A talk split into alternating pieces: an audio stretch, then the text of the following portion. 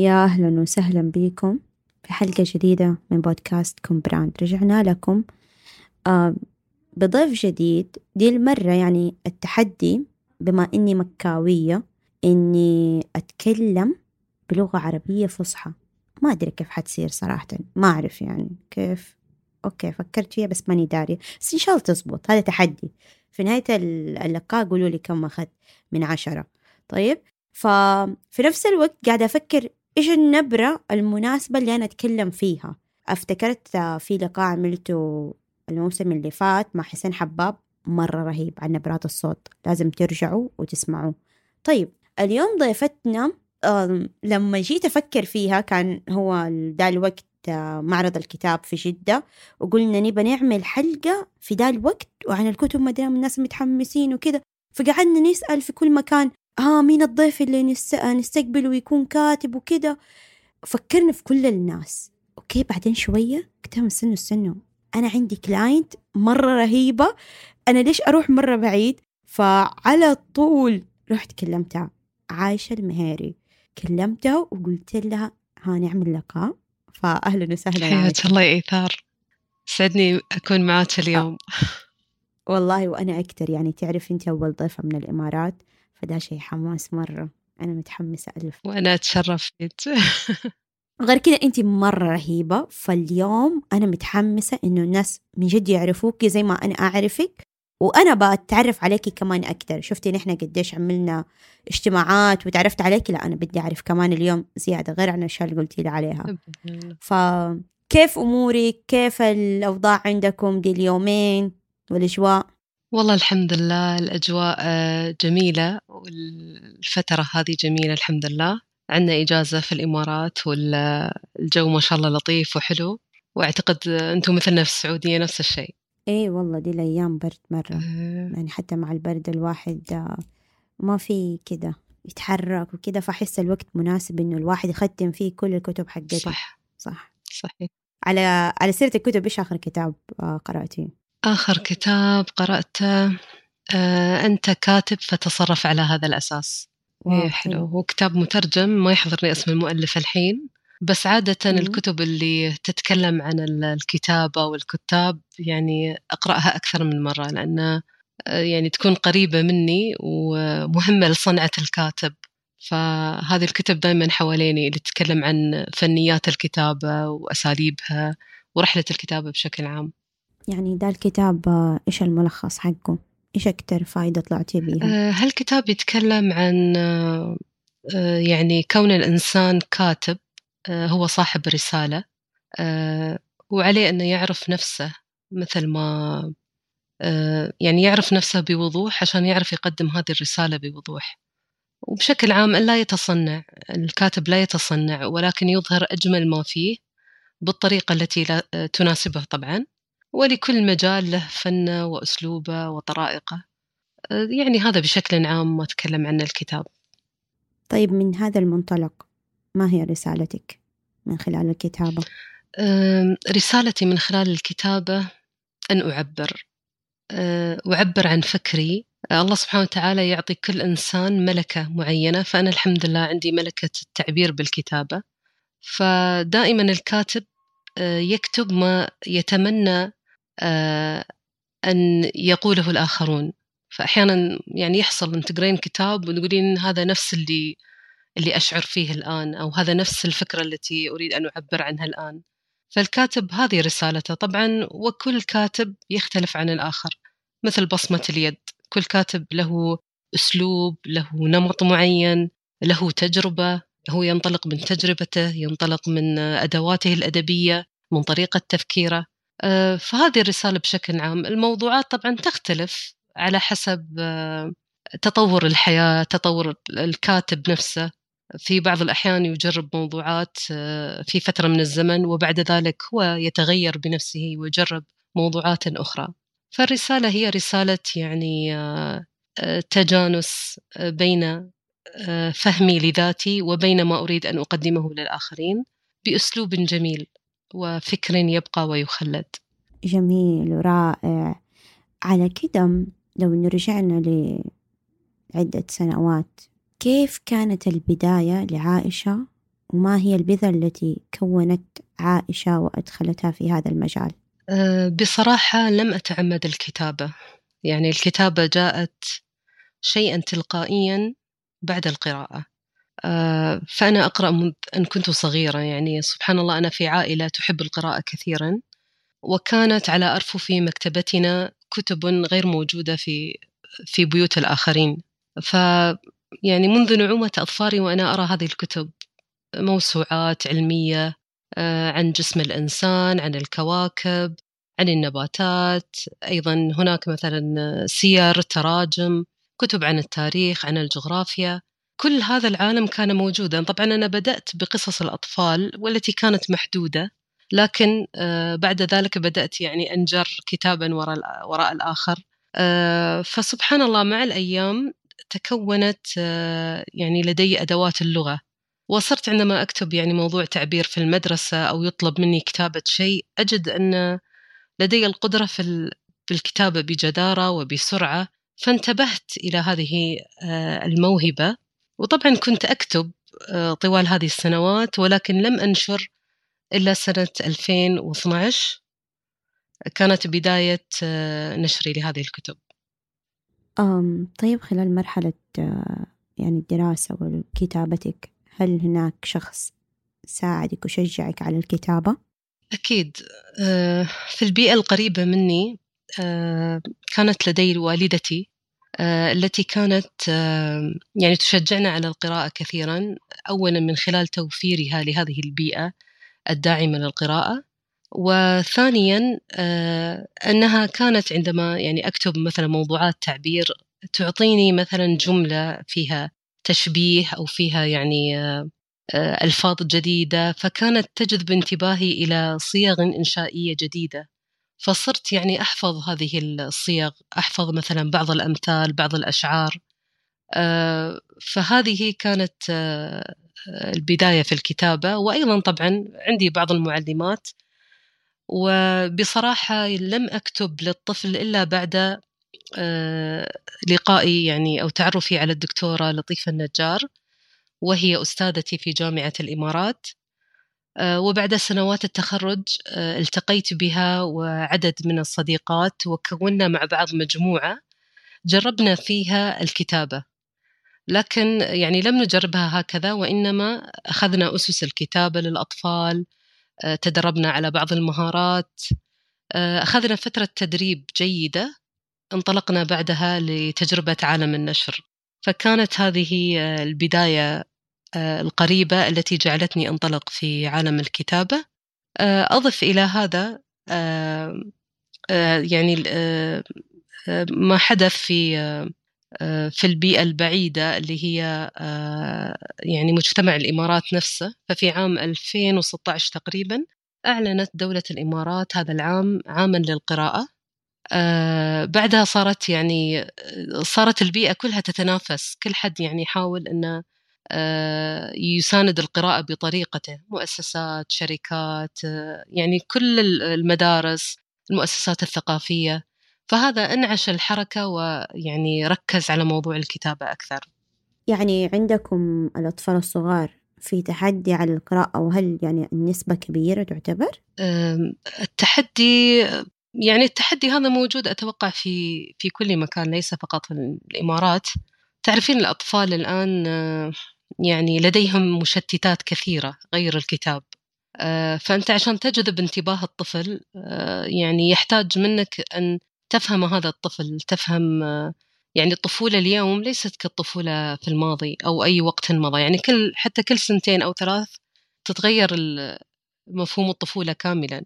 فالتحدي كبير نعم لكن لذلك نرى أن الجهات أو الحكومة أو المكتبات آه، تشجع على آه، عملية القراءة وتدعمها. طيب أنت عارفة على سيرة هذا كله اللي ساير وكذا وتحكيني إنه عن الأطفال وعن الكتابة والدراسة أفتكرت أول مرة أنا كتبت فيها قصة وكانت يعني شيء مرة رهيب. كان كان عمري تسعة سنين. طيب عايشة؟ في ذاك الوقت كتبتها وحتى الأستاذة قالت لا هذا مستحيل مو أنت كتبتيها. أكيد في أحد كتبها. طيب؟ وماما طبعا وقتها هي مرة فرحت بنتها تعرف تكتب وانبسطت بالكتاب بالقصة دي وخلاص. إيش اللي صار؟ في ديك الفترة عمتي الله يرحمها الكبيرة قريب اتوفت أم فعمتي هذه أظن ما أعرف كانت تنشر قصص إيش كانت تسوي ديك الفترة ما أدري. بس أخذت حقتي القصة وش اسمه وقالت لي إنه هي حتنشرها. طيب اللي صار إنه بعدها هذه القصة ما عاد شفناها. طبعا أنا ما أفتكر أي شيء عن القصة. لو تسأليني ما أدري إيش هي. بس أفتكره إنه ماما معصبة إلين قريب إنه عمتك أخذت القصة وما نشرت لك هي. وكل ما أفتكر ده الموقف أضحك. يا ماما خلاص أنا عديت. هي لا لا لا هي في مدة قصتك. يعني لو اتنشرت القصة كان دحين مداكي كاتبة. ف... فمرة هذا الموقف يعني من المواقف اللي الواحد ما ينساها. فالفكرة إنه أنا كان عندي ده الشيء حق الكتابة. مرة أحب الكتابة كنت أقرأ كتب. حتى أفتكر أيام المتوسط لما بابا كانوا يسافروا. كنا ناخد الفلوس بدل ما نروح نشتري بها أي شيء كنا نروح وناخدها نروح نشتري قصص عشان نقرأ. ف بعد كده صرت أكتب وزي كده بس ما حسيت إنه في دافع للكتابة. فهل يعني الدافع والناس اللي يدعموا هو السبب في إنه ناس يطلعوا كتاب ولا العزلة تولد تولد لا مو تولد تولد هذه تولد كأنها حرمة بتولد. تولد الكتاب. ترى ما حنقطع أي شيء من هذه. طيب تولد هل العزلة ما هي ما تولد الكتاب؟ آه ولا إيش اللي ممكن يخلي الكتاب يطلعوا بيخرجوا للدنيا والناس يشوفوهم؟ أه نفس ما قلت في البداية أن الكاتب صاحب رسالة وإن لم تظهر يعني هذه الرسالة يعني وإن لم تفهم للقراء. لكن الكاتب لا يصنعه أه عزلة. هي العزلة واحدة من أساسيات الكتابة لكنها ليست كل شيء. الكتابة حالة فردية. يحتاج الكاتب إلى أن يكتب بنفسه. لكن حتى يكتب القراءة تساعده في ذلك أو أن يعيش التجربة. آه، مثلا كتاب بخلاء الجاحظ آه، يعني كتاب معروف. الكاتب كتبه فعلا بعد أن عاش مع البخلاء. كان هناك حي يسمونه حي البخلاء عاش فيه وخالط البخلاء حتى يستطيع أن يكتب عنهم. فالكاتب ليس بالضرورة أن يكون معتزلا للناس لكنه يحتاج وقتا لنفسه لأن الكاتب أصلا يمارس طرق تفكير. يفكر بالفكرة يقلبها يسأل نفسه ماذا لو ماذا لو قدمت هذه الفكرة أخرت هذه الفكرة. فالكاتب آه، طبعا في وايد ناس عندهم القدرة على الكتابة ولا يكتبون أو ممكن في ناس يقرؤون كثيرا ولا يكتبون. يعني العلاقة ليست طردية لكن القراءة يعني مؤثر كبير. أنا دائما أسمي القراءة رديف الكتابة يعني هي التي تساند الكتابة بشكل عام. وحتى ممكن الإنسان يكتب بس مستواه الكتابي يتراجع.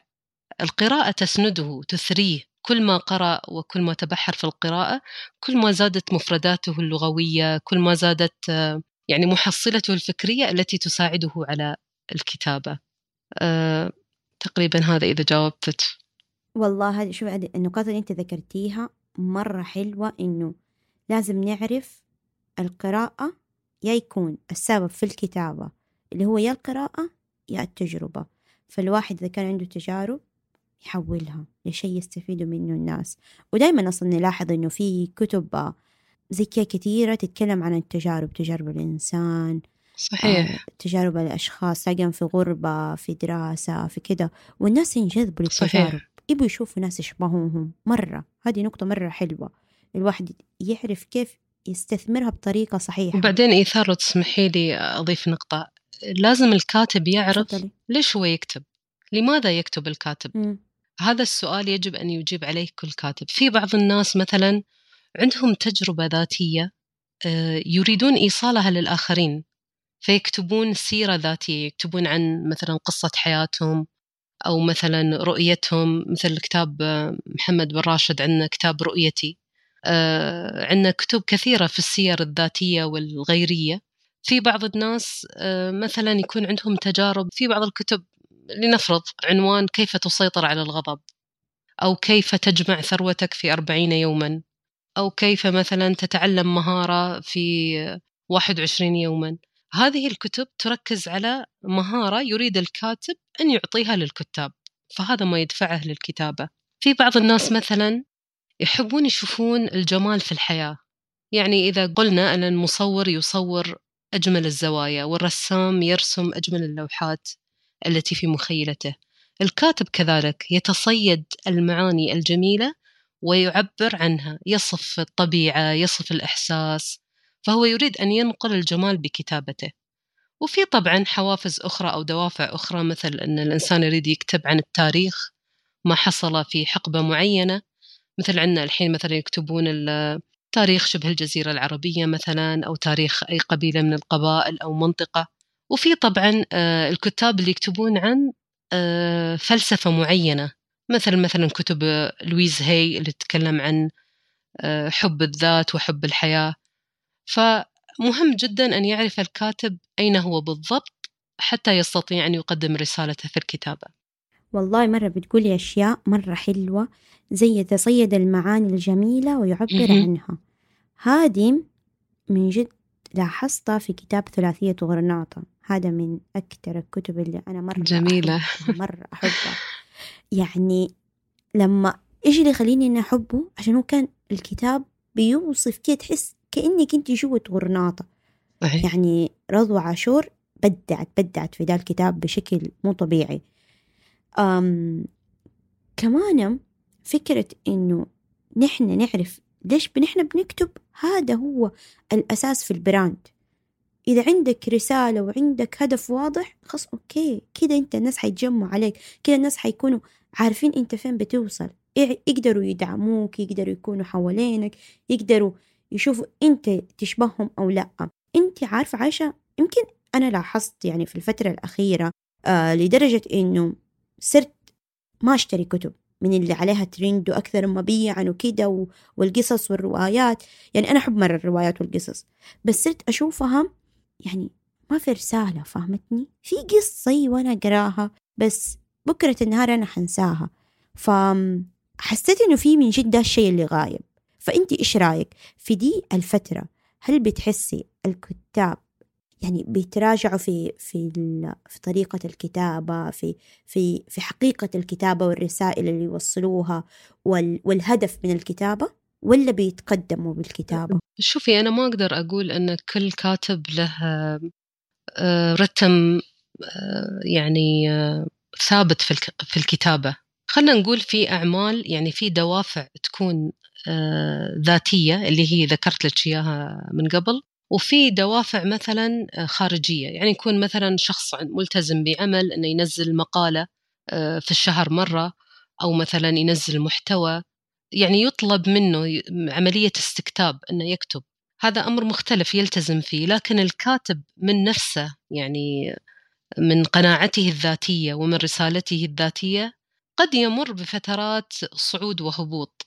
واحيانا يعني يصاب الكاتب بما يسمى حبسة الكاتب يتوقف عن الكتابة. أحيانا في ناس يفكرون بدون سبب يفكرون لماذا أنا توقفت عن الكتابة الآن؟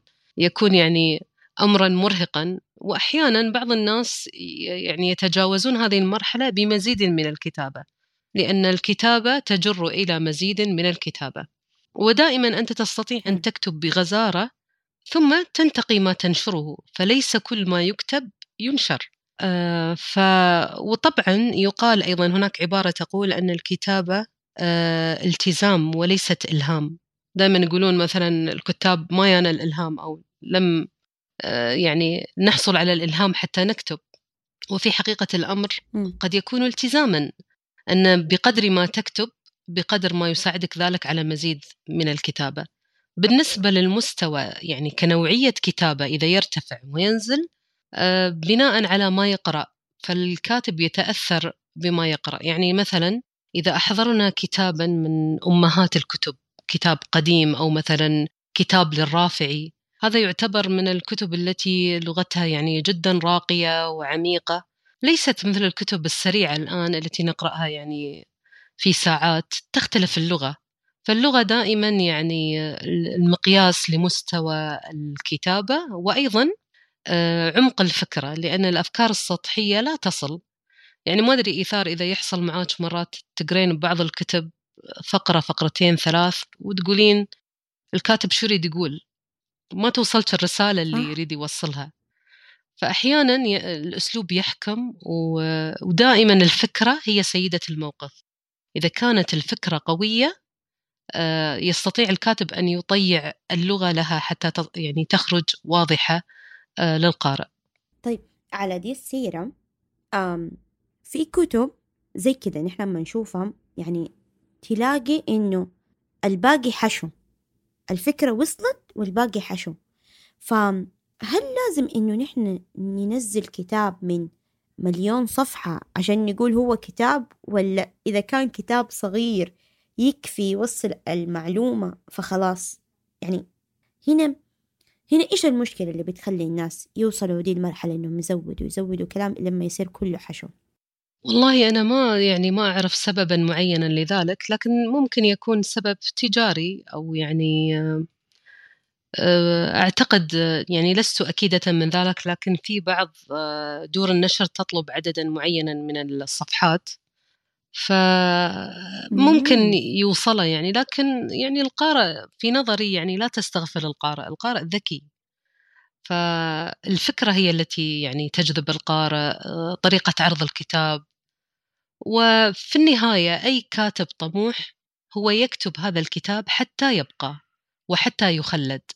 فالكتب التي تبقى قليلة يعني ونادرة والتي يعني تنطبع في الذاكرة هذه كتب قليلة.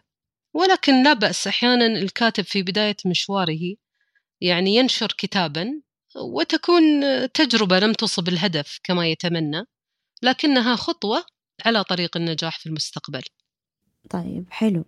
على كده يعني نحن نحن لازم نعرف إيش بنسوي عشان لما نيجي نطلع حاجة تنحسب لنا مش بس إنه زي اللي صاير في الفترة الأخيرة إنه الناس خلاص إذا أنا سويت كتاب يعتبر أو إنجاز فخلاص يعني كيف كل لاقيهم بيسووا كتب بيسووا كتب. سوي كتاب okay مو مشكلة. يعني اجتهد بس لا يكون حاجة ما تبقى. ركز في دي النقطة. ترى العايشة اللي قالت له الكلام قبل شوية ترى مرة مهم. وإنه يكون عندك كتاب ترى يرفع من من قيمتك السوقية ك brand. فهذه مرة حتة حلوة. صحيح. في بعض الكتاب على فكرة كتب يعني نشروا كثيرا من الكتب لكن لم يخلدهم إلا كتاب واحد. يعني اشتهروا بكتاب واحد يعني أكثر من غيره. مثل ما يصير في الأفلام ممكن مخرج آه، يخرج كذا فيلم بس فيلم واحد اللي يضرب. فنفس الشيء صحيح. في الكتب. طيب آه عايشة دحين أنت يعني ما شاء الله تبارك الله أم عندك خمسة كتب في أدب الطفل. نعم. فم كيف تجربتك مع أدب الطفل؟ والله تجربة جميلة. يشاع عن أدب الطفل أن أن الكتابة للأطفال سهلة لكن في الحقيقة آه، فيها تحدي. آه، لأن الطفل يعني يتلقى القصة يعني بذهن صافي وبإحساس عالي وما شاء الله الأطفال أذكياء. فالكتابة للطفل تستلزم منا أن نحن نعرف الطفل نفسه. نعرف اهتماماته آه، كيف يفكر آه، ما يحب وما يكره. آه، مثلا شو هي المشاكل اللي ممكن يصادفها الطفل؟ يعني الطفل مثلا يصادف مشكلة أنه لا يريد أن يذهب إلى المدرسة أو مثلا لا يريد أن ينام أو أنه أضاع لعبته. يعني في في تحديات هي مثل ما نقول بداية الأشياء. وفي موضوعات مثلا لا نتطرق لها في أدب الطفل مثلا أو لا نعالجها بصراحة مثل حديثنا مثلا عن الموت أو عن أشياء تخوف مثلا على حسب العمر لازم نراعي الفئة العمرية. طبعا لم أتخيل يوما ما أن أكتب للطفل لكن المعرفة بالشيء ساعدتني على أن أخوض التجربة. الأعمال التي عندي الحمد لله يعني إلى الآن راضية عنها. لكن لا أستطيع القول أني راضية تماما لأن أشعر أن ما زلت أستطيع أن أكتب أكثر أو أن أجرب أفكارا جديدة. كيف تفرق كتابة أدب الطفل عن كتابة القصة بشكل عام؟ أه شوفي هناك في أه أوجه تشابه واختلاف. أه طبعا في بناء للقصة بناء أه قصصي يعني أن يكون عندك فكرة يكون عندك شخصيات عقدة حل. أو مثلا جسم القصة لكن الفرق طريقة طرح الموضوعات. وطبعا لما نبدأ من الأعمار يعني إحنا عندنا مثلا أعمار من من اثنين الأربعة مختلفة عن أربعة لسبعة ثمانية العشرة ماذا يحدث؟ اللغة تتدرج. يعني ماني بألفاظ الطفل مش متعود عليها في هذا السن لكن نتدرج. يعني نضع مفردات يعني جديدة لكن مش بالكثرة التي نضعها للكبار. أدب الأطفال يوجد فيه صور يعني الكتابة تكون معها صورة. فلما نكبر كل ما يكبر المتلقي تختفي الصور ويكبر النص بشكل عام.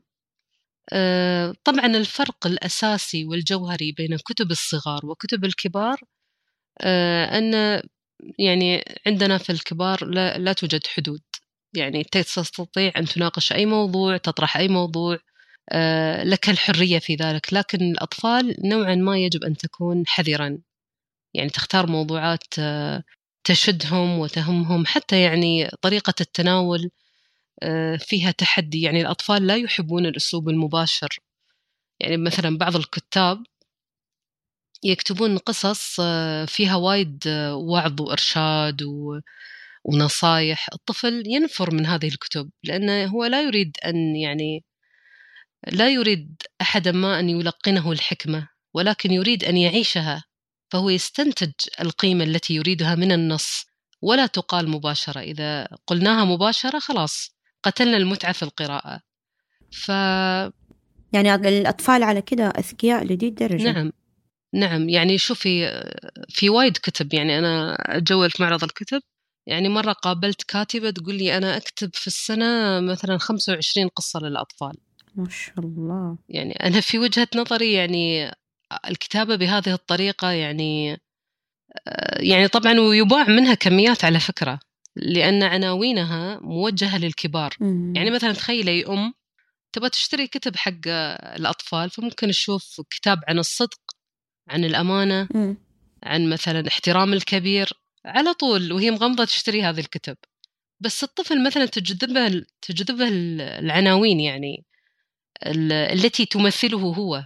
مم. يعني مثلا قصتي أنا حر ما كان عنوانها كذي كان عنوانها مختلف. آه، فكلمة أنا حر يعني الأطفال وايد يقولونها وايد يقولون على كيفي أو يقولون أنا أتصرف على كيفي أو أنا حر. فهذه مدخل آه، يعني للأطفال لأن يحسون القصة لها علاقة فيهم. طبعا داخل القصة أصلا يستنتج الطفل أنه ما في حرية مطلقة. لا توجد حرية على حساب الآخرين لكن طبعا لا يذكر ذلك في العنوان. لكن خلاص اللي يقرأ القصة يفهم الهدف الرئيسي منها. واو. طب على كذا إيش كان عنوان القصة قبل كذا؟ والله حاليا ما أذكر. قصتي من سنة 2013 ممكن سميتها البطل كان اسمه ناصر ف أه، بطولة ناصر أو شيء لأنه كان يظن أنه بطل أه، بطل في القصة. مم. أه، فطبعا هذه هذا يعني تغيير عنوان القصة هو نتاج مشاورة بين الكاتب والناشر لأن حتى الناشر يعني عنده بعد نظر للعناوين الجاذبة التي يعني تجعل الأطفال يشترون القصة. على هذا الأساس آه، تغير العنوان. طيب على كده يعني الاستثمار في الطفل أم الشباب؟ أيهم الأولى؟ في القصة؟ في القصة وفي التعليم. خليني أقول لك أن آه، لما دخلت مجال الكتابة للأطفال وجدت أن في قصص للأطفال لفئة عمرية محددة. خلينا نقول الأصغر سنا اللي هي الحروف ألف أرنب باء بطة هالأشياء البسيطة جدا يعني التي تكاد تكون ثلاث كلمات في الجملة. وأشياء حتى عمر الخامسة ممكن يقرأ الطفل باللغة العربية بعد ذلك هناك فراغ كبير أو يعني ثغرة كبيرة تجعل الطفل ينتقل من القراءة بالعربية إلى لغة أخرى لأنه ما في تدرج لأنه فجأة يصير كتب مم. كبار ما أيوة. في تدرج طبعا ال- الكتاب ودور النشر بدأت توعى لهذا الشيء فصارت تصنف الكتب على أعمار يعني مثلا من ثمانية لعشرة هذه بروحهم فئة من عشرة إلى 13 وهكذا. وطبعا كل ما كبرتي هاي الفئة تسمى فئة اليافعين اللي هي بين الطفولة والشباب قصص اليافعين آه، اللي فيها يعني اهتمامات أخرى تماما عن الأطفال. لازم يكون فيها مغامرات فيها تحدي فيها إثبات شخصية يعني موضوعاتها جدا مختلفة. فخلينا نقول أن حتى نحافظ على خط القراءة نحن نحتاج للكتابة لكافة الأعمار أو للأعمار كافة بالتدرج.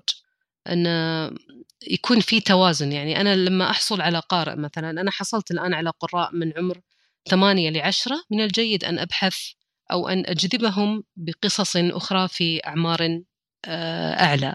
وهكذا يظل خط القراءة متصلا. ويعني مهما زدنا إحنا في آه، قصص الأطفال واليافعين تظل المنافسة صعبة صراحة مع اللغات الأخرى هناك يعني ثراء كبير يعني مرة كنت رايحة أمريكا فصدف أني دخلت آه، مكتبة عامة تعرفين الكتب المشهورة اللي هي مثلا قصة آه، علاء. الدين مثلا أيوة. على سبيل المثال تلاقينها موجودة آه، لكل الأعمار يعني تلاقينها لعمر مثلا عشر سنوات ولعمر اليافعين. وللبالغين. يعني هي نفس القصة لكن آه، تحاكي العمر والأسلوب. طبعا كل ما تغير السن آه، يعني تذكر تفاصيل أكثر في القصة. من جد واو. أول مرة ترى آه، يعني أستوعب دي الحاجة. يعني يمكن واحد يمر عليها كده مرور بس ما يستوعبها إنه من جد نقدر نوصل القصة بكده طريقة لكذا عمر. ونفس القصة ما نغير بس نزيد. صح. واو من جد شيء حلو. صح. يعني في عبارة تقول مشهورة عنا لكل مقام مقال. صحيح. فأنت يعني المقام حتى للعمر لما أنت تريد تخاطب عمر معين لازم تعرف مفاتيحه. حتى يعني بين الكاتب والمتلقي آه، يجب أن يعرف الكاتب الطريق الصحيح الذي يوصله لهذا المتلقي. طيب على كده لما دحين أنت يعني يعني ما شاء الله ماما وكده فهل اختلفت يعني نظرتك في الكتابة لما كنت تكتبي قبل ودحينة؟ آه، من أي ناحية تقصدين؟ من ناحية الكتابة للطفل؟ يعني دائما يعني تختلف لأن الإنسان متجدد. امم يعني لما لما ما يكون في الساحة يعني كتب كثيرة هذا موقف. والموقف الآن لا الآن منافسة أكبر. طبعا منافسة إيجابية لكن يعني لما الإنسان أو الكاتب يريد أن يكتب يبحث عن فكرة جديدة أو فكرة تلامسه لأن يعني من أصالة الكاتب أن لا يقلد أحدا إلا إذا كان يحاكي يتمرن على الطريقة. لكن كل كاتب له نمط معين. فالتحدي قائم يعني وإذا قلت يعني أني لم أتغير فهذا غير صحيح لأن الإنسان دائما يتغير. وصراحة النشر بعد النشر آه، يشعر الكاتب بالمسؤولية. يقول يعني ماذا سأكتب الآن؟ يعني الحمد لله الخطوة الأولى كانت ناجحة لكن سأفكر بالخطوة الثانية آه، ماذا أحتاج أن أطور أو أحسن؟ لكن مثل ما قلت لك قبل كل خطوة هي درجة في سلم النجاح. هذا الشيء خلاني يعني يجي في بالي كده سؤال. لما انت تكتبي في البداية ودحين تكتبي مثلا يعني بس عشان تنشري وعشان تصيري كاتبة وعشان فلوس ولا عشان الرسالة اللي أنت بتوصليها يعني طبيعي أني أنا أكتب من أجل الرسالة. آه، الكتابة يعني ما أدري في فرق بين ال- نفس ما قلت لك الكتابة اللي تكون آه، عمل مم.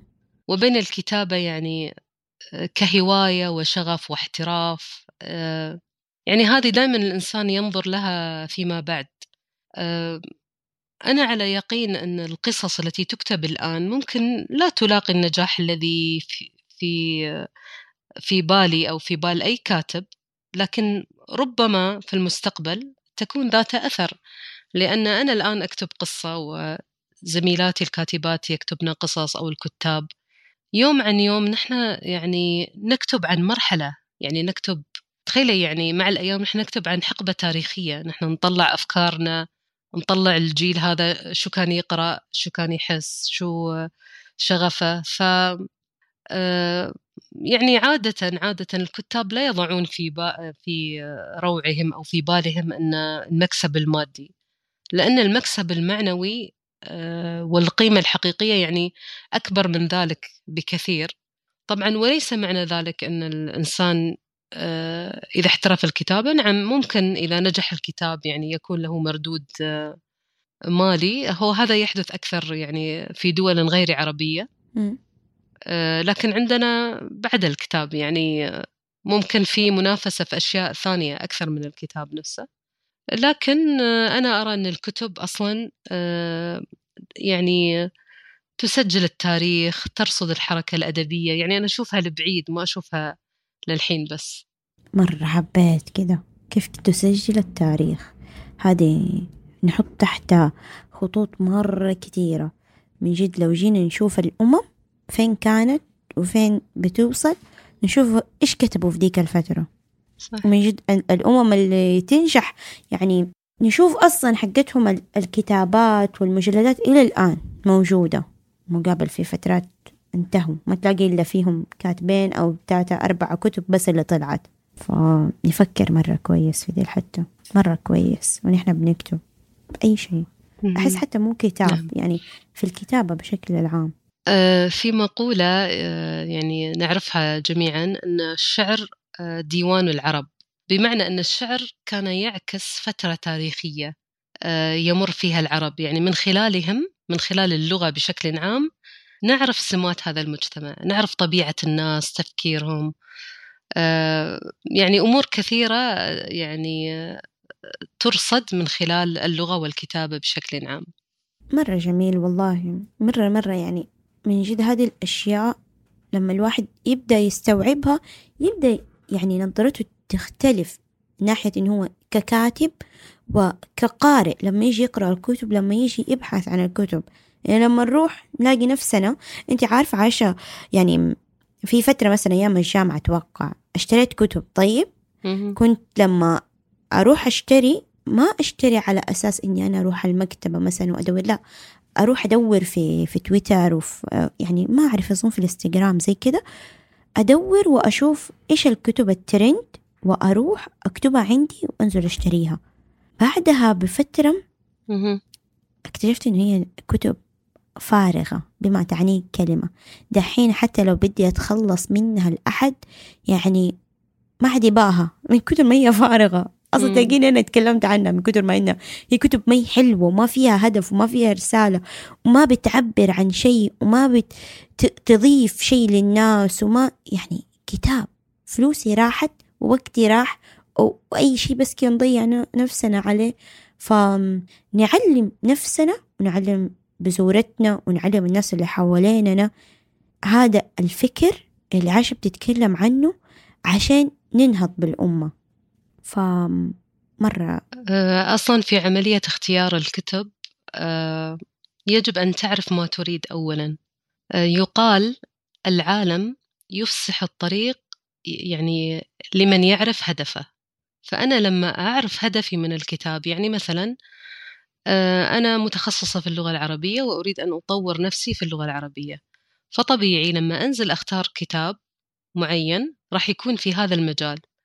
أو مثلا إيثار تحب تقرأ كتب في البراندنج فبتروح تدور الكتب اللي في هذه المجال في هذه المجالات. إذا مثلا أنا بقرأ روايات نفس الشيء. فلما أنا أحدد أنا أريد روايات أنا أريد تطوير ذات أنا أريد في تخصصي وفي معايير لتقييم الكتب. يعني مثلا أنا شخصيا ما أقرأ أي رواية إذا لم تعجبني لغتها. يعني مثلا ثلاثية غرناطة من الروايات التي أحبها لأن أسلوبها اللغوي والإنشائي جميل جاذب. في بعض الروايات مهما يعني بلغت شهرتها ما أقدر أقراها. فهذا شيء طبيعي يعني. وطبعا لازم تكون في تجارب أن نشتري كتب وبعدين ما تعجبنا بعدين نغير رأينا فيها. لكن بشكل عام مرة عن مرة الإنسان مع الأيام ينضج اختياره حتى اختياراته في القراءة تصير أفضل. لكن كانت هذه الخطوات لابد منها حتى نصل للشيء الذي نريده. تعرف إيش؟ أنا مرة متحمسة انه هذا اللقاء كله حيكون مليان اقتباسات رهيبة. والله من اليوم أنا أكتب يعني oh my God أنا يعني شوف أنا عارفة أنا عارفتك قديش انت رهيبة بس ده level. مرة عالي. okay أنا مرة مبسوطة. طيب نيجي نيجي لذا السؤال. هل أنت مع ازدواجية اللغة عند الأطفال أم أن الازدواجية قد تلغي هوية الطفل؟ آه، تمام. خليني أجاوبك من زاوية الكاتب مش من زاوية التعليم. okay. آه، أنا ككاتبة عندي رسالة في اللغة العربية. يعني أنا أكتب القصة دعما مني ككاتبة متخصصة في اللغة العربية أو كإنسانة الله سبحانه وتعالى أعطاها أدوات الكتابة أنها تدعم اللغة العربية والمحتوى العربي. فأنا طبعا مع الكتابة باللغة العربية. يعني انتمائي وشعوري ورسالتي وحياتي كلها للغة العربية. ليس معنى ذلك أني أنا أنكر لغات أخرى أو أرفضها. لكن يعني آه، ما حك جلدك مثل ظفرك. يعني نحن أولى بالكتابة عن لغتنا وأن يعني نجعلها لأطفالنا أن تكون في متناول يدهم. في بعض الكتاب لأن يعني يحصلون مثلا آه، يعني يأخذون دعوات لقراءات قصصية من بعض المدارس الخاصة أو الأجنبية ويطلب منهم مثلا آه، قصة مزدوجة اللغة. يعني أنه يكون فيها يعني صفحة باللغة العربية تقابلها صفحة باللغة الإنجليزية مثلا. شخصيا لا أشجع هذا النوع من من الكتب لأن أبناء هذا الجيل مباشرة سيذهبون إلى النص الأجنبي ولن يكلفوا عناء أنفسهم قراءة النص العربي. وهذا يتعارض تماما مع هدفي. أنا هدفي أن يقرأ الطفل ويندهش من الكلمة. يعني الطفل أصلا يعني حينما يتعلم شيئا جديدا آه، تتملكه الدهشة. لما مثلا يقرأ عبارة آه، آه، نسيم الهواء العليل. ما معنى النسيم؟ نشرح له النسيم هو الهواء البارد. فهذه الكلمة تدخل في معجمه اللغوي وتدخل في إحساسه. فإذا مرة ذهب إلى رحلة بحرية ولا برية سي- سيعبر عن جمال النسيم أو يقول النسيم بارد. ست يعني هذا بالنسبة لي يعني هدف جميل ورائع. فأنا لا أرى ازدواجية اللغة في عملية النشر. آه، يعني مرة كنا ناخذ كورس تدريبي لكاتبة ألمانية. ألفت ما يربو على ستين مؤلفا. في القصة والرواية باللغة الألمانية. وطبعا كانت تدربنا في آه، أسبوع على فنيات الكتابة لأن تعرفين البناء القصصي مشترك في جميع اللغات. حلو. ولكن الفرق أن كل كاتب يكتب بلغته. فمن بين المتدربات كان في عندنا كم من وحدة تريد تكتب باللغة الإنجليزية. يعني قالوا نحن مشتركين في هاي الورشة لكن المنتج النهائي بيكون باللغة الإنجليزية. طبعا علقت هذه الكاتبة وقالت آه، اللغة الإنجليزية لا تحتاجكن أبدا. بكل صراحة يعني قالت لهم. ليش يعني كذا؟ قالت لهم تعرف ما تحتاجكم لأن يعني لغة آه، يعني أشبعت آه، من الكتب ويكتب عنها أهلها. هي قالت أنا الآن ألمانية أريد أن أعرف عن مجتمع الإمارات. أنا عندي شغف. قالت ومثلي شعوب العالم. أمم. يعني نريد أن نقرأ قصصا مثلا عن النخيل عن القهوة عن البيئة عرفتي؟ أنه يكون يكون يعني الكتب تدل على البيئة على أصحابها على أهلها على لغتهم. سبحان الله وهي ألمانية ولكن ركزت على هذه النقطة. ف يعني آه، هذا في رأيي فيما يخص ازدواجية اللغة. أختار العربية دائما. جميل. تعرف أنت على سيرة دي القصة اللي قلتي لنا هي؟ على كده نحن خلينا نعطي كده شعلة للكتاب إنهم يسعوا يكتبوا في المجال هذا ويكتبوا عن العرب وعن فكرهم وبطريقة يعني تناسب الجيل الجديد من ال... من الأجانب. كيف دحين بالذات بعد كأس العالم واللي صار في قطر وال... وقد إيش الناس شافونا إن إحنا قد إيه إحنا رهيبين كعرب والقطريين وانبهروا بينا كمسلمين وده. هنا فرصتنا نستغل الموقف ونستثمر بكل ما نملك إنه نوصل الرسالة. ف دعوة. هو صراحة مثل ما قلنا قبل أن الكاتب يكون أصيل. شو يعني شخص أصيل؟ يعني ينطلق من أصالته من بيئته. م. يعني لما الإنسان يقلد هويات مختلفة آه، فلن يعبر عن نفسه. ما راح يكون هو يعني. ويعني أنا تعلمت منك إيثار أن الكاتب أيضا هو جزء من البراند الكلي آه، لمنطقته صح ولا صح مرة. آه، لمجتمعه. فأنت جزء من الكل. فنحن يعني شئنا أم أبينا نحن خلاص كاتبات مثلا إماراتيات نمثل الكت... الأدب الإماراتي. أو كاتبات مثلا سعوديات يمثلون الأدب السعودي في هذه الحقبة. فإحنا لو فكرنا كذي آه يعني نوسع إدراكنا مش مجرد قصة فقط يعني آه والسلام لا هي هي تعمق أكثر في الذات في المجتمع في الميزة التي تميزنا ككتاب. مرة صح كلامك. شفتي لما دحين نحن قاعدين نشتغل طبعا على الهوية حقتك؟ من جد لما قعدنا نعمل كده دار ريسيرش وقعدنا نبحث ونشوف كيف الكاتبات الإماراتيات طريقة أسلوبهم لبسهم شكلهم آه العبارات اللي يستعملوها التفكير كل دي الأشياء ما قعدنا نلاحظ. في في ده القسم مشترك في هذا هو البراند حقكم في الأصالة موجودة. مش لما نروح نشوف في حتة تانية لا هدولاك بتحس إنهم مساكين بيبعدوا عن الشيء حقهم الأساسي. بيروحوا ما كأنهم ما عارفين مين نحن كأننا نحن ضايعين فأحب أحب هذه الحاجة عندكم في في الكتاب في الكاتبات بالذات الإماراتيات إنه محافظين على أصالتكم.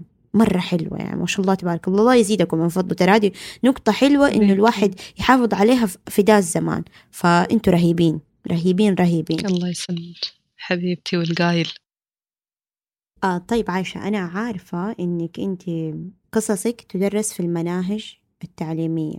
فماذا حصل حتى أصبحت قصصك تدرس في المناهج التعليمية؟ أه بصراحة لم يحصل شيء. أه يعني جاءني طلب الترشيح أن قصصي راح تكون آه، ضمن مناهج اللغة العربية في الدولة. وبالنسبة لي يعني كان هذا خبر آه، جدا مفرح. لأن آه، طبعا اختيرت قصصي من بين قصص كثيرة تكون في المنهج لفئة عمرية. منها قصة أنا حر في المنهج الخامس. وأيضا من سلسلة القراءة الميسرة قصتان في الصف الأول. ما شاء الله مرة حلو. آه هل موجود عندك دحين النص لقصة أنا حر تقرأي لنا منه شوية؟ أو فاكرة منه حاجة؟ أه، هو صراحة القصة مش عندي الحين. طيب آه، ممكن نقرأ أي حاجة تانية غير القصص؟ إيش عندك حاجة ممكن تسمعينا هي؟ طيب أه، قبل ما أقرأ بس عن طبعا أنا كتبت أشياء كثيرة لكن لم أنشرها. آه، لكن كان عندي آه، مدونة اسم المدونة هذه مدونة مرفأ الأمل. آه، افتتحتها تقريبا في سنة 2010 وكنت أكتب فيها مقالات وأشياء متنوعة ألوان أدبية مختلفة باسم مستعار. لكن الحمد لله بعد ما أثبتت المدونة نجاحها وأن القراءات فيها ارتفعت كثيرا طبعا أظهرت اسمي. طبعا أنا سويت هذه الحركة لأني كنت أريد أن أجرب نفسي في الكتابة بدون أي اعتبارات أخرى. يعني أحيانا تعرفين ممكن الناس تجاملنا يعني تعرفنا شخصيا فتقول لا كتابة كتابتك رائعة وجميلة. فأردت أن أختبر نفسي في الحقيقة مع أشخاص لا يعرفون عني سابقا. والحمد لله كانت تجربة جميلة جدا. وإن شاء الله نجدد هذه المدونة ونعيد نشر أشياء كثيرة منها بإذن الله. بسمعت شيء مما كتبته في هذه المدونة. أوكي تمام يلا تفضلي. خاطرة بعنوان على أمل. إليك أقود أشتاتي. وأجمع الذكرى طاويا وجعا على وجعي وأوقظ القلب من إغفائه دهرا على الألم. أحث مسيره للحلم وأستصرخ الهمم. إليك أقود أشتاتي بحلو السير أو مره. يمر الوقت منسحبا على مهله ويمر عمري شعورا قل أن تلقى له مثلا. ودنيا من وداد ينجلي كله. كضوء جف من مصباح قلبي خافتا حذرا. إليك أقود أشتاتي أسير على شوك الحروف أقطع الأوراق أنثر من زهور الشوق أنفاسي أبث لواعج الوجدان أنقشها على صخر الشعور أبدد الحرمان أكسره وأطلق النفس طيرا يرتجي الفرح. يحلق في سماء الحب منتشيا ومغتبطا. إليك أقود أشتاتي وأسعف باقي الأمل وأشعل جدوة الإحساس أفقا لاح بالألق وأبقى صامدا على أملي. جميل.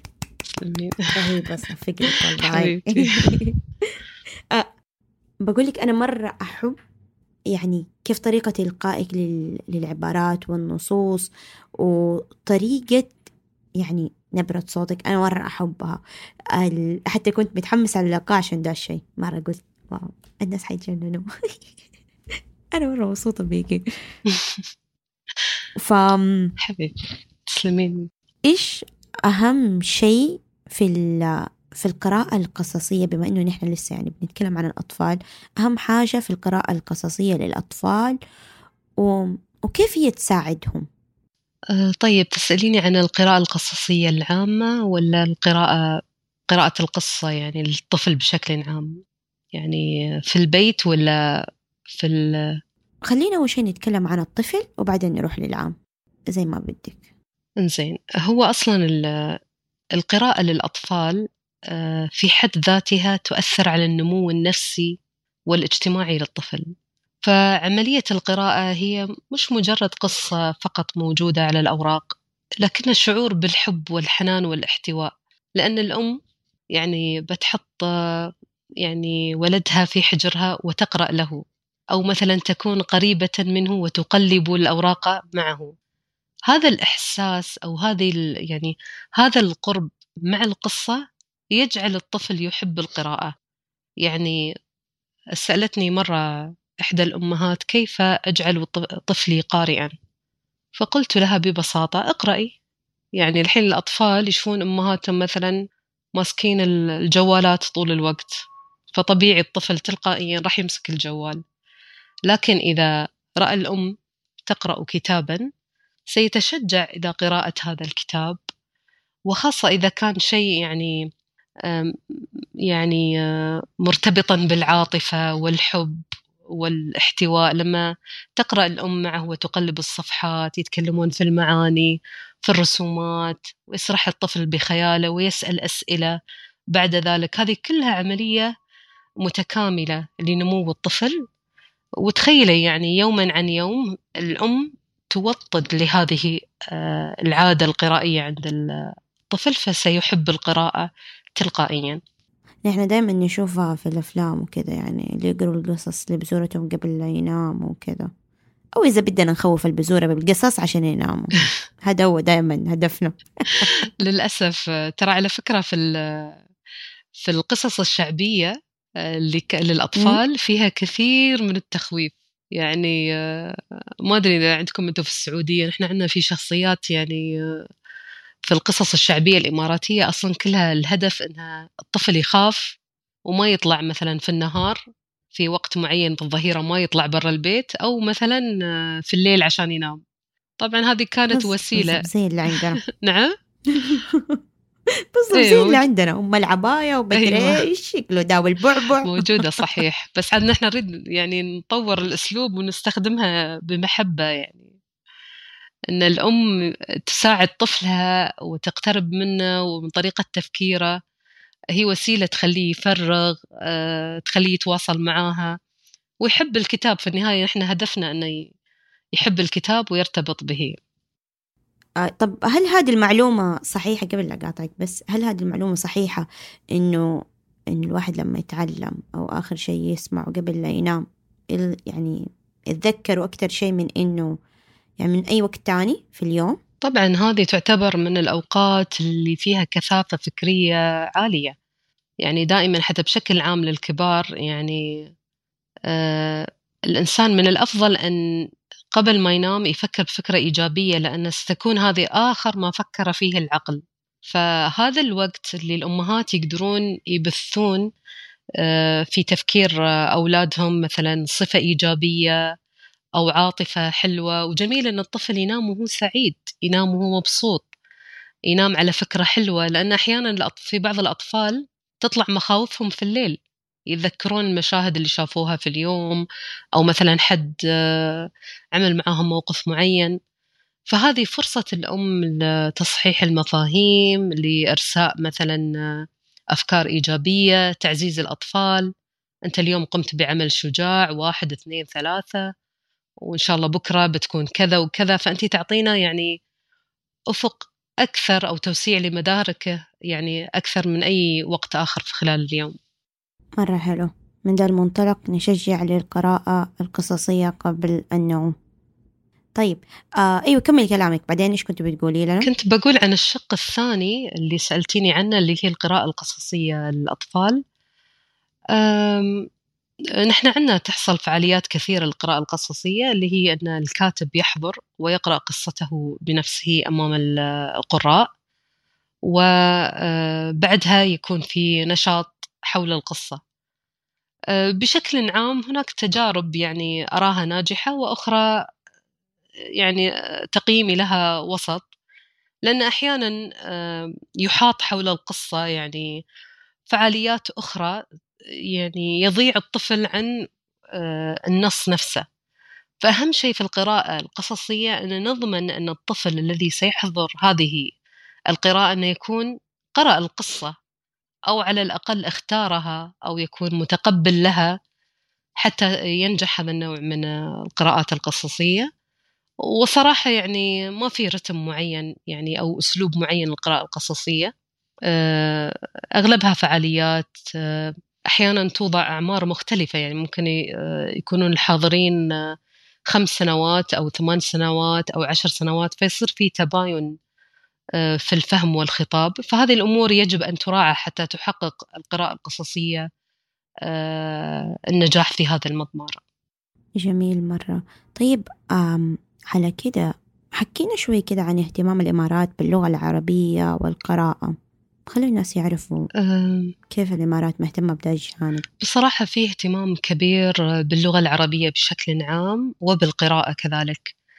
أه نحن طبعا عندنا معارض الكتاب التي تكون بشكل سنوي معرض الشارقة الدولي للكتاب ومعرض أبو ظبي للكتاب.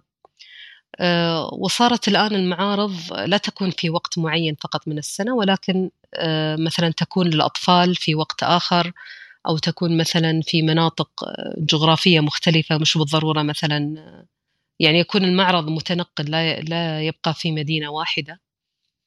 آه، أضف إلى هذا أن عندنا مثلا مكتبة محمد بن راشد في دبي مكتبة دار الحكمة في الشارقة ومكتبات أبو ظبي المتفرقة اللي لها مقار في الحدائق العامة. يعني في حراك ثقافي جميل. آه، وطبعا نحن نشجع عليه يعني ونتمنى أن يزدهر ويزداد لأن مثل ما قلنا المنافسة قوية مع اللغات الأخرى وأمور كثيرة يتعرض لها الأطفال. آه، فحتى يعني يتعلقوا دائما باللغة العربية وبال بحب الكتاب وحب الكلمة والقراءة. جميل. طيب عايشة أم أنا عارفة إنك أنت حاليا يعني تبي تكوني مو بس محكورة في في الكتابة اللي في أدب الطفل تبي تتوسعي أكتر وتكتبي في الكت يعني في الكتابة الإبداعية بشكل عام فهل نعم. ممكن تعرفي لنا معنى الكتابة الإبداعية وليش تبي يعني تبي تكوني في ذا المجال بشكل أكبر أكثر مما إنه في أدب الطفل؟ نعم أنا يعني قلت سابقا أن أي كاتب طموحه أه أنه لا يحد بشيء معين يعني لا أرى نفسي في لون أدبي واحد. فالكتابة لها مجالات كثيرة يعني حتى الكتابة الإبداعية آه، هناك الكتابة الرسمية مثلا. الكتابة الرسمية هي نقيض الكتابة الإبداعية التي تختص يعني بال بالكتب الرسمية الرسائل أو يعني المقالات. فهذا الفن أنا أيضا أتقنه وأمارسه دائما. لكن الكتابة الإبداعية تعبر أكثر عن الشخصية. الكتابة الرسمية فيها موضوعية وحياد. لكن الكتابة الإبداعية فيها من روح الكاتب فيها انفعالاته تجاربه الإنسانية ولا تعتبر تقليدا لأحد. هي نوع من أنواع الابتكار. يستطيع الكاتب أن يظهر فيه فيها مهارته اللغوية وقدراته وخبراته السابقة. والكتابة الإبداعية أنواع منها مثلا الخاطرة المقال الشعر القصة الرواية. ألوان أدبية كثيرة. ف يعني عندي طموح إن شاء الله أني أنا أطرق هذه الأبواب جميعا أو على الأقل بعضا منها لأن الكاتب يظل في تجربة دائمة. يعني ممكن مثلا أنا جربت الكتابة للأطفال ونشرت فيها لكن ممكن مثلا أحقق يعني نجاحا أفضل أو تعبيرا يعني أجمل مع الكتابة للكبار. أو للبالغين. فإن شاء الله يوم من الأيام يعني أنشر أعمالا لهذه الفئة أو حتى أجرب ألوانا أدبية أخرى. وطبعا كما ذكرت أنا في المدونة لدي بعض الأشياء التي نشرتها والتي تعبر عني بقرب وإن شاء الله يعني ترى الأعمال التي سأنشرها إن شاء الله النور بعد أن أكمل يعني مساري على الأقل في الكتابة للأطفال. يعني أريد كذلك أن أنشر عددا يعني إضافيا في أدب الطفل حتى أكون قد يعني تأكدت أنني قلت كل ما عندي للأطفال حتى هذا الوقت. فإن شاء الله في المستقبل نجرب هذه الأنواع الإبداعية الأخرى. مرة جميل. إن شاء الله ربي يفتح عليك. يعني نحن متحمسين نشوف ليك أشياء رهيبة مرة. لأنه أتوقع الكاتب كل ما يعني زادت سنين خبرته كل ما زادت إنتاجاته قوة. فيعني من جد يعني أنا متحمسة للخطوات الجاية اللي أنت بتعمليها مرة. والكل حيتحمس معايا. بعد ده اللقاء صدقيني. آمين. إن شاء الله. طب على كده من هي عائشة في كلمة واحدة؟ يعني اللي أقول أن عائشة آه، روح حرة. جميل. روح حرة. عجبتني. عجبتني مرة. أنت تعرفي إنه إنه في العيلة في أهل بابا ينادوني آه عايشة ينادوني عيوشة زي كذا. عندك اسم سري يعني. اسم مشترك هذا ما اسم سري والله ينادوني. في ناس اللي عندها الحين ما يعرف اسمي إيثار أصلا. الله عاشت الأسامي من أحلى الأسامي. بيني وبينك. حتى إيثار اسم جميل ما شاء الله. حلو. فشايفة؟ شايفة كمية القواسم المشتركة نكتب زي بعض اسمنا زي بعض آه، روح حرة زي بعض يعني أوكي. مرة. أنا أنا حبيت. حبيت حبيت ده الشيء. أم طيب عايشة إيش المراحل اللي يمر بيها الكاتب لين يصدر الكتاب؟ أو يصدر أول كتاب له؟ أه خلينا نقول أن الكاتب أه في يعني يقع عليه 80% من العمل. يعني لا يسمى الكاتب كاتبا حتى يخرج نصا.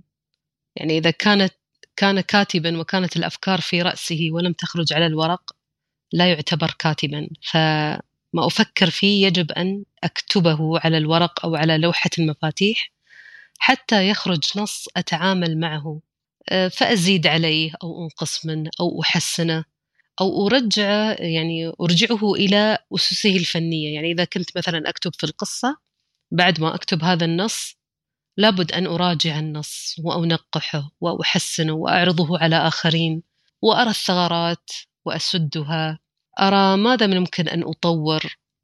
أي لفظة من الألفاظ ممكن أستبدلها بلفظة ثرية غنية تخدم الفكرة؟ فكل هذه الأمور تكون طبعا كلها تحت مظلة الكاتب بعد أن ينهي عمله وفق الأسس الفنية المتعارف عليها للكتابة.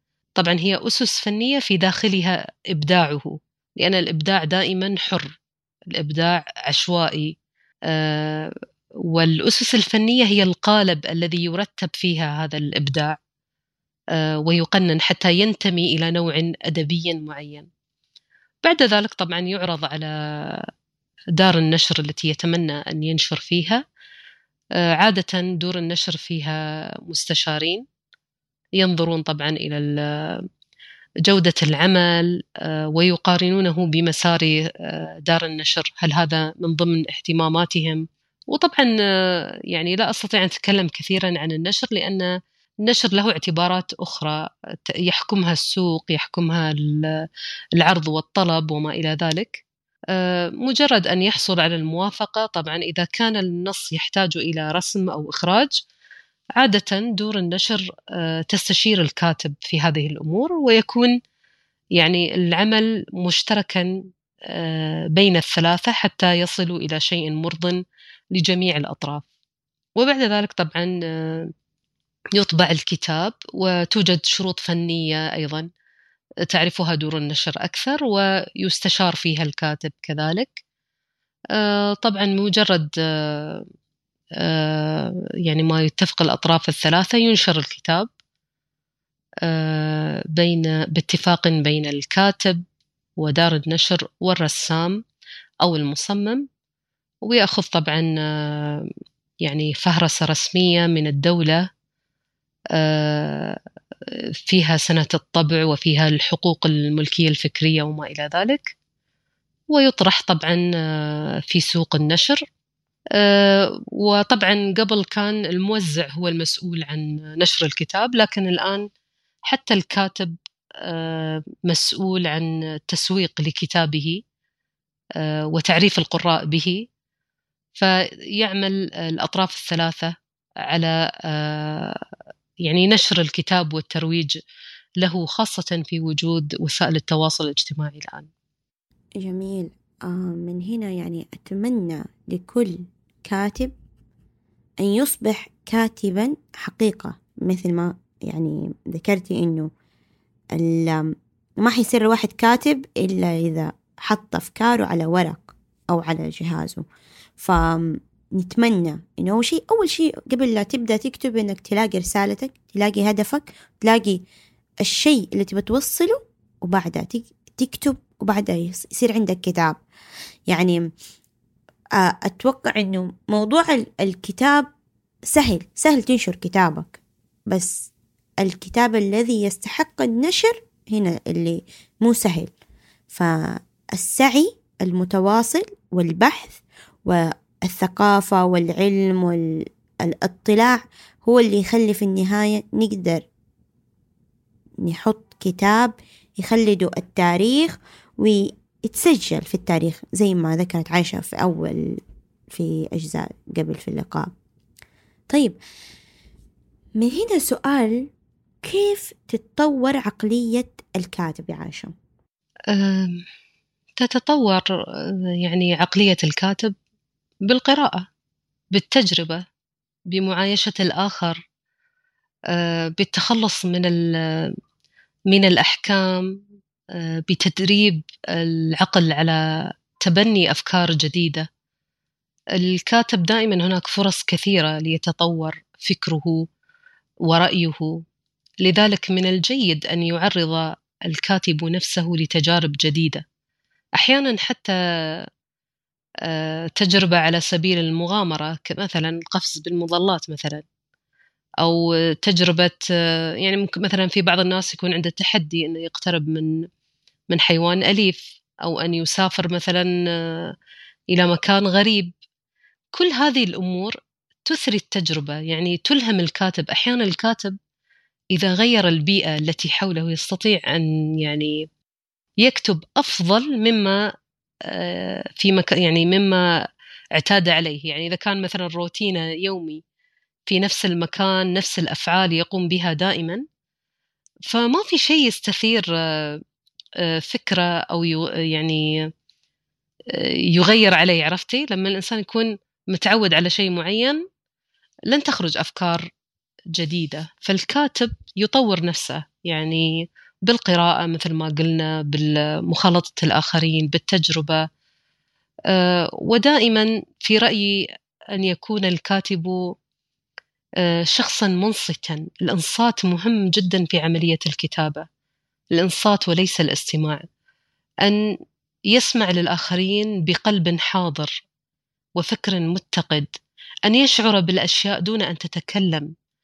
أن يعني ينقل وجهة نظره من زوايا جديدة لم يتكلم عنها الآخرون. آه، يعني إذا بعدد رحلات الكاتب لا أظنها تنتهي. هناك دائما أفق في الكتابة أفق واسع يعني لا نهاية له. طيب على كده إيش الشبه بين الفنان والكاتب؟ الإبداع. كلاهما الإبداع. مبدع يعني الإبداع. يعني الكاتب آه، حتى يكتب يجب أن يبحر في خياله.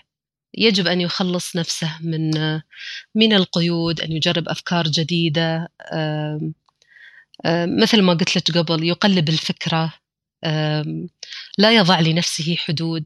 وكذلك الفنان يعني أقصد يعني نقصد به من يرسم. لأن الرسام والمبدع كذلك يعني يسمح لنفسه أن يرسم ما يشاء أن يدمج الألوان أن يعني يرسم زوايا معينة. فكلاهما مبدع. يعني وهذا يدخل أيضا حتى في الأعمال اليدوية مثلا في الكتابة للموسيقى. كل هذه الأعمال كلها أعمال إبداعية لأنها تأتي بأشياء جديدة لم يأتي بها الآخرون. طيب أنت في الرسم ما إنك أنت يعني فنانة ومبدعة في الرسم والفن لما تعملي لوحاتك إيش إيش دائما يعني يكون هل في هدف؟ ولا إيش يعني إيش يكون السبب من وراء رسمك للوحات بالعادة؟ أه بالعادة هي الرغبة في التعبير.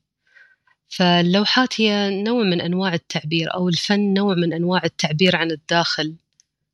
أه خلينا نقول هي نوع من أنواع التفريغ الفكري. يعني أه حينما أرسم أشعر بأن مشاعري أو تفكيري أو إبحاري في فكرة معينة ينطبع على اللوحة بألوان معينة. أه، هذا الشعور يعني شعور آه، أن أنقل آه، التعبير من داخلي إلى لوحة آه، يعني يعطيني شعورا بالامتلاء والاكتفاء. يعني تعرفين لما تنجزين عمل يكون عليك عمل تريدين تنجزينه ولما تنجزينه تحسين بحلاوة الإنجاز ومتعة الإنجاز. طبعا هذا موجود في في كل في كل المجالات أو الإبداعية. يعني حتى مثلا لما تصممين أنت براند معين أو شعار معين وتنجزين هذا العمل وتحسين بالرضا عن هذا الشيء هذا يعني يحدث أيضا في الرسم والفن بشكل عام. تعرف إيش اللي بهرني؟ بهرني لما الواحد يكون يعرف يتكلم صوتك. وكلامك وتعبيرك وفنانة. ما شاء الله تبارك الله. full option full option الصلاة على النبي. عايشة عارفة أنا اكتشفت اكتشفت يعني قريب إنه أنا أكتب بال يعني مصري. يعني حتى ما أكتب سعودي ولا أكتب مكاوي. لا أنا أكتب مصري. اكتشفت إنه كتابتي مصرية. فدايما يعني ألاقي كده انتقاد يعني دايما حتى يعني في في العيلة في البيت ماما تقول أنت ليه كده؟ أنت تكتبي ليش؟ يعني حتى اوقات في في اللقاءات لما أنا أعملها بيقولوا لما تتكلم لغة عربية فصحى. ف هل هذه مشكلة إنه الواحد ما يكتب باللغة العربية فصحى؟ ولا عادي؟ آه خلينا نقول في العمل الإبداعي تقصدين أن نكتب بالعاميات ولا نكتب بالفصحى؟ إذا كان لا بال... في إبداعي. يعني مثلا بكتب عادي نص بكتب قصة قصيرة حاجة زي كده يعني شيء عادي. آه، مش شيء مش رسمي. شيء رسمي. يعني ما أعرف أنا مثلا أتكلم بالعاميات عادي وأنا بالعامية إذا أنا بتكلم في الواتساب أو آه، يعني مع الآخرين. بس إذا شيء بنشره يعني أنا عائشة أفضل يكون بالفصحى لأنه يعني أنا بالنسبة لي قريب يمثلني أنا يعني.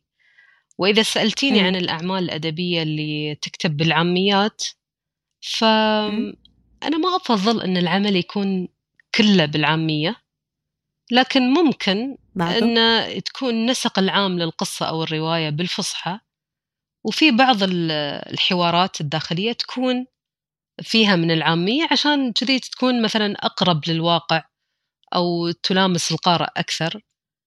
لكن دائما في ممكن الإنسان يختار لفظة مثلا عامية وفصيحة في نفس الوقت. يعني لها مخارج. لكن مش غلط. يعني الحين آه، مثلا في وسائل التواصل الاجتماعي في ناس تكتب بالعاميات على على البوستات التي تنشرها ولها جمهورها. يعني أكيد هذه إلها جمهورها وهذه إلها جمهورها.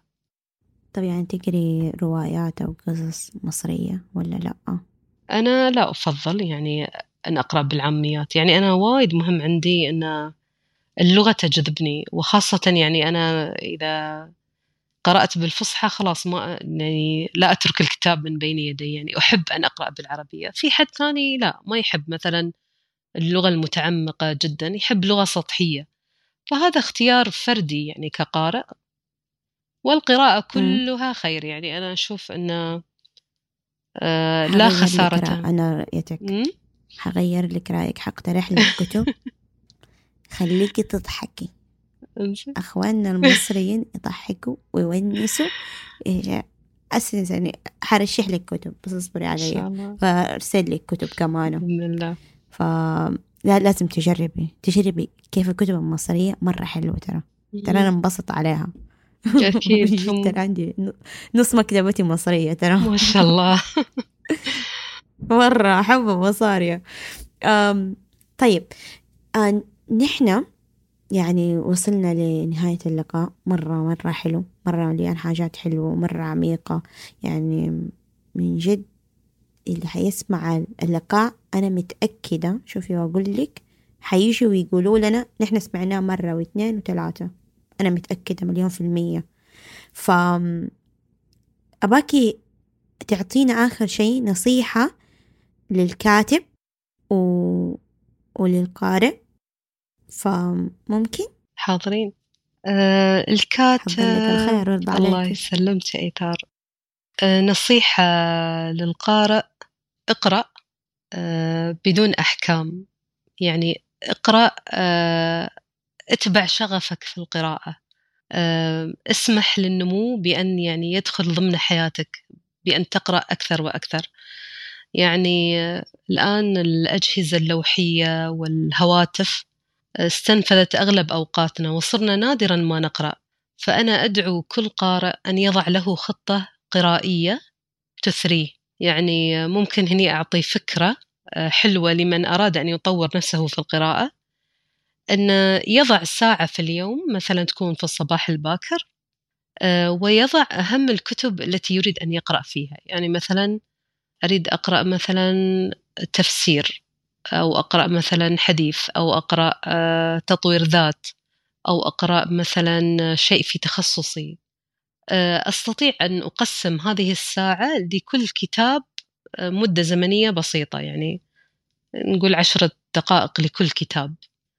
تخيلي يوم على يوم بهذا الأسلوب راح تكتشف أنك قرأت أشياء كثيرة وأنجزت. فيها حتى لو كانت يعني قليلة لكن مع دوام دوامها تستطيع أن يعني تحرز تقدما فيها وتظل على اطلاع. آه، هذه فكرة للقراءة والقراءة طبعا آه، مثل ما قلت سابقا لا خاسر مع القراءة. القراءة كلها يعني آه، يعني كلها غنائم وأشياء مفيدة للإنسان. أما نصيحتي. للكاتب أن يعبر عن نفسه برسالة حقيقية للآخرين أن يفيد الآخرين يعني أن أن يكتب لينفع الآخرين وأن يكون شخصا آه، فريدا.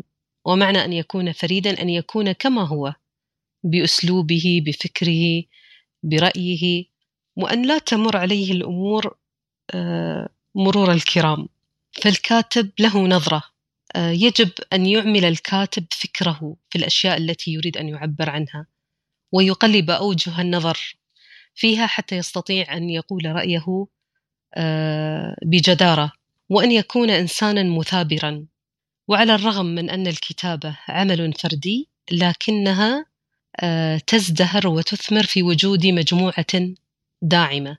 لكل كاتب من الجيد أن تحيط نفسك بالداعمين سواء كانوا كتاب أو ملهمين. كل هؤلاء سيساعدونك على الكتابة. طور أدواتك اللغوية وأدواتك الفنية واختر مرآتك الصادقة. اختار شخصا يعطيك رأيا حقيقيا من دون آه، مدح زائد ولا ذم زائد. يعطيك الحقيقة كما هي. كن باحثا عن الحقيقة. آه، كن آه، شخصا مرنا ومتجددا بتغير الحياة. وتواصل مع أمثالك من الكتاب تواصل مع الناس وتواصل مع الحياة حتى يصل ما تكتب للآخرين. جميل.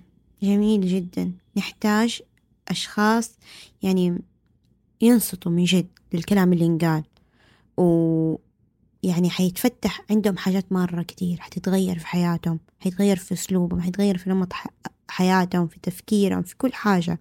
يعني حتى نصيحة عايشة لل... للقارئ هذه ممكن تساعد الناس اللي اللي وقفوا فجأة القراءة ومو قادرين يرجعوا حتساعدهم إنهم يرجعوا تاني يقرأوا من جديد. فلا تخلي حاجة توقفك لأنه أنت اللي بتوقف نفسك مش أي حاجة من حوالينك. إذا أنت بدك تقدر تبدأ من دي الثانية من دي اللحظة وتنطلق تنطلق في مجال الكتابة أم في مجال القراءة. وهناك دائما فرص للجميع. فلا تخافوا أبدا من إنه مثلا حيجي أحد ياخد مكانكم لأنه لكل مجتهد نصيب. فشكرا شكرا جزيلا عائشة على هذا اللقاء الجميل وسعدت جدا بي.